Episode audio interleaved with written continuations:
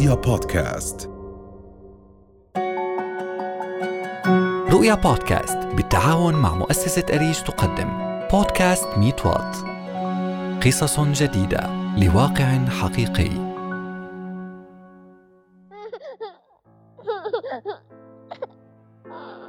أنا والد الطفل أيهم أحمد محمد رشدي أبو سمرة. ابني الآن عمره سنة وتسع شهور. أنا بلشت رحلة العلاج معه عن عمر أربع شهور. تلقى أحمد أبو سمرة صدمة ميلاد ابنه أيهم من ذوي الاحتياجات الخاصة. شخصت حالته صغر في الدماغ وزيادة في شحناتها الكهربائية وتأخر في النمو. فحمله على يده بحثا عن الطبيب المعالج مستمدا قوته النفسية من إيمانه بالله ومن علمه بوجود قانون في الأردن يحمي الأطفال ذوي الاحتياجات الخاصة ويوفر لهم الرعاية الصحية وكل الترتيبات التيسيرية التي تمكنهم من الوصول إلى المستشفيات والمراكز الطبية وتقديم برامج الكشف المبكر عن الإعاقة لكنه واجه واقعا مختلفا. مستشفى الأمير فيصل الحكومي في مركز للعلاج الطبيعي. يوم رحت أسجل ابني فيه بقول لك إنه لازم يكون عمره ست سنوات. طب على الست سنوات أنت بتاخذه أنا وين بدي أعالجه؟ من قصة أيهم سنحاول التعرف على مدى جاهزية المراكز الطبية التابعة للدولة لاستقبال وعلاج أيهم وكل أيهم في الأردن. وما هي المعوقات والعقبات التي تواجه الأطفال ذوي الاحتياجات الخاصة للحصول على العلاج بشكل ميسر؟ وما خطة الدولة لحل تلك المشاكل؟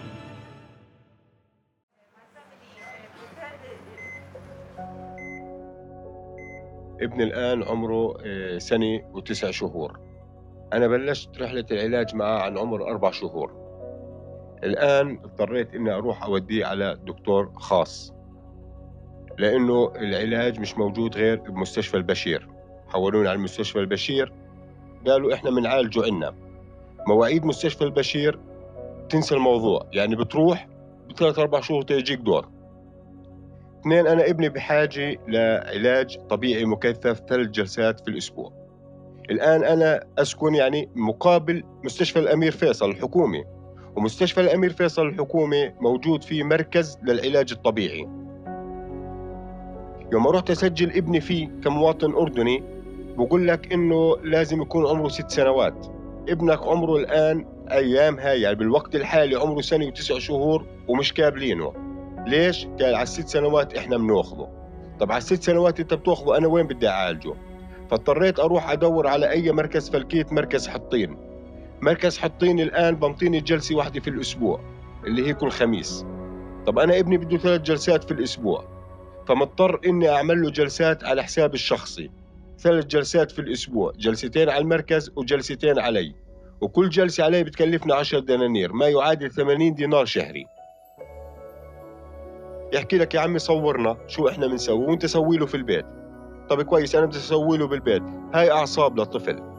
أنا ممكن أعمل له حركة غلط اشله هذول دكاترة دارسين وفاهمين وماخذين دورات كيف بيعملوا.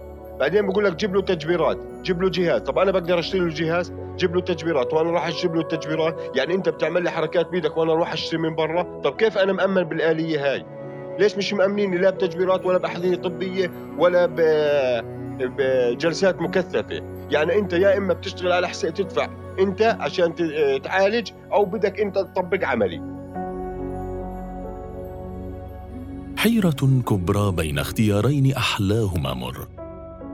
فإما انتظار الدور في بعض المراكز ومن ثم حرمان المريض من العلاج في الوقت المناسب.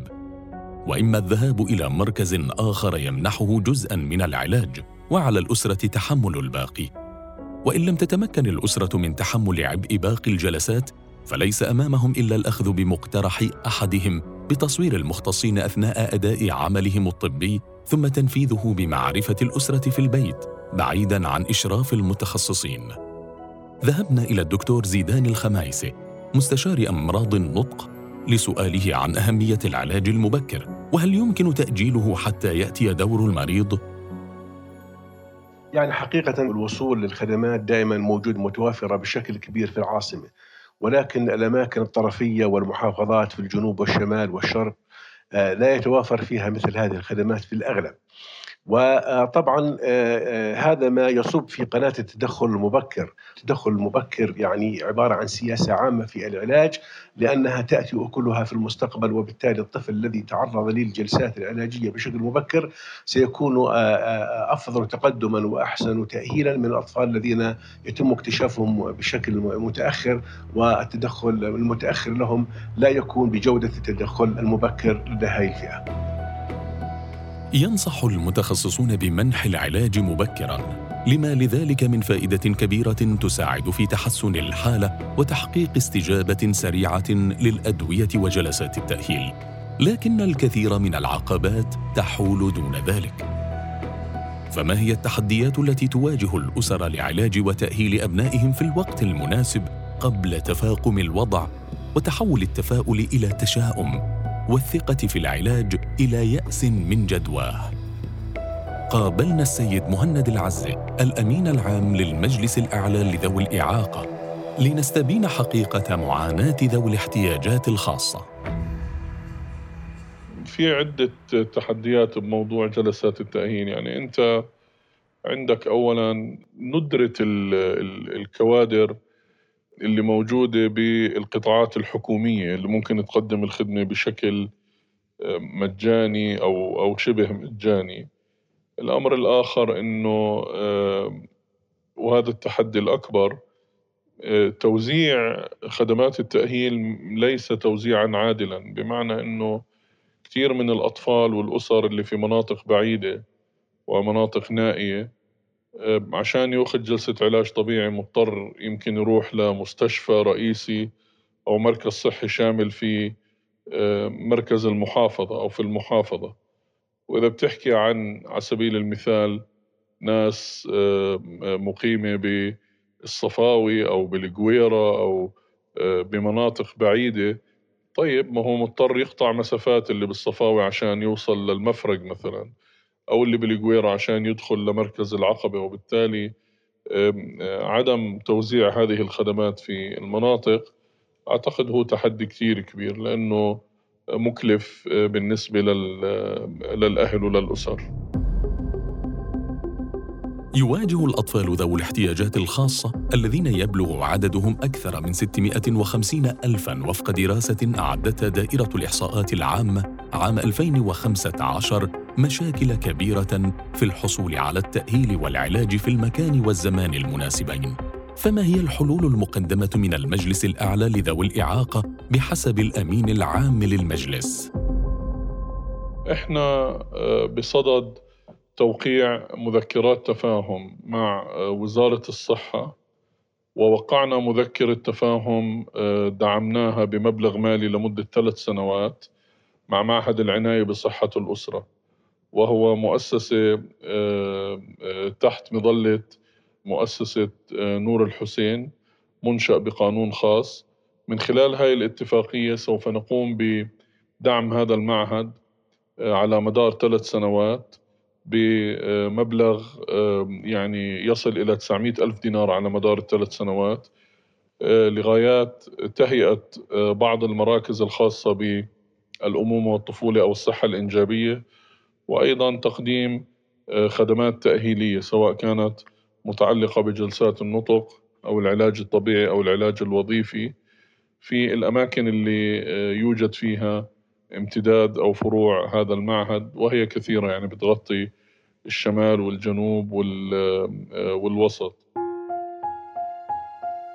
إذا يحاول المجلس الأعلى لذوي الإعاقة مع بعض المؤسسات توفير أماكن ومراكز خاصة لتقديم العلاج والتأهيل فماذا عن جهود الحكومة الممثلة في وزارة الصحة الأردنية؟ عرضنا هذا السؤال على الدكتور مروان الطاهر رئيس قسم الطب الطبيعي والتأهيل في مستشفى البشير قامت وزارة الصحة بإطلاق الاستراتيجية الوطنية للتأهيل تحت رعاية سمو الأمير مرعد بن رعد بن زيد ومعالي وزير الصحة الأكرم مع شركائها منظمة الصحة العالمية والمجلس الأعلى لحقوق الأشخاص ذوي الإعاقة لغايات النهوض بخدمات العلاج الطبيعي والتأهيل في المملكة حيث أن الوزارة بصدد تهيئة وتجهيز 12 مركز صحي في جميع محافظات المملكة. ستكون مراكز نموذجية لتقديم الخدمات الصحية لذوي الإعاقة بما فيها التأهيل عبر كوادر صحية مختصة لتلك الغاية مما سيقلل الضغط على الأقسام المركزية في العاصمة وسيقلل من مدة إعطاء المواعيد للمرضى. كما وتم افتتاح مؤخرا قسم تأهيل في مستشفى الزرقاء الحكومي. كما وسيتم افتتاح أقسام أخرى في مستشفى غور الصافي وفي مستشفى البادية الشمالية. مما يساهم في إعادة توزيع هذه الخدمات على مستوى المملكة وتلافي إعطاء المواعيد طويلة للمراجعين.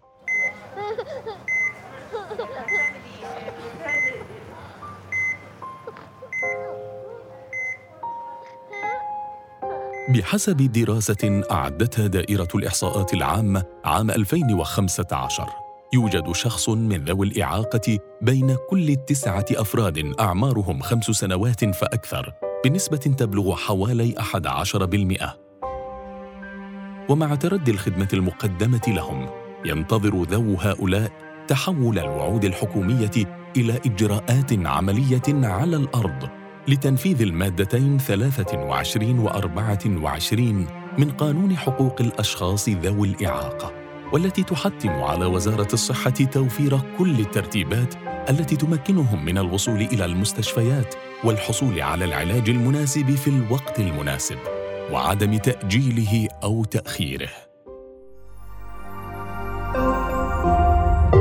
رؤيا بودكاست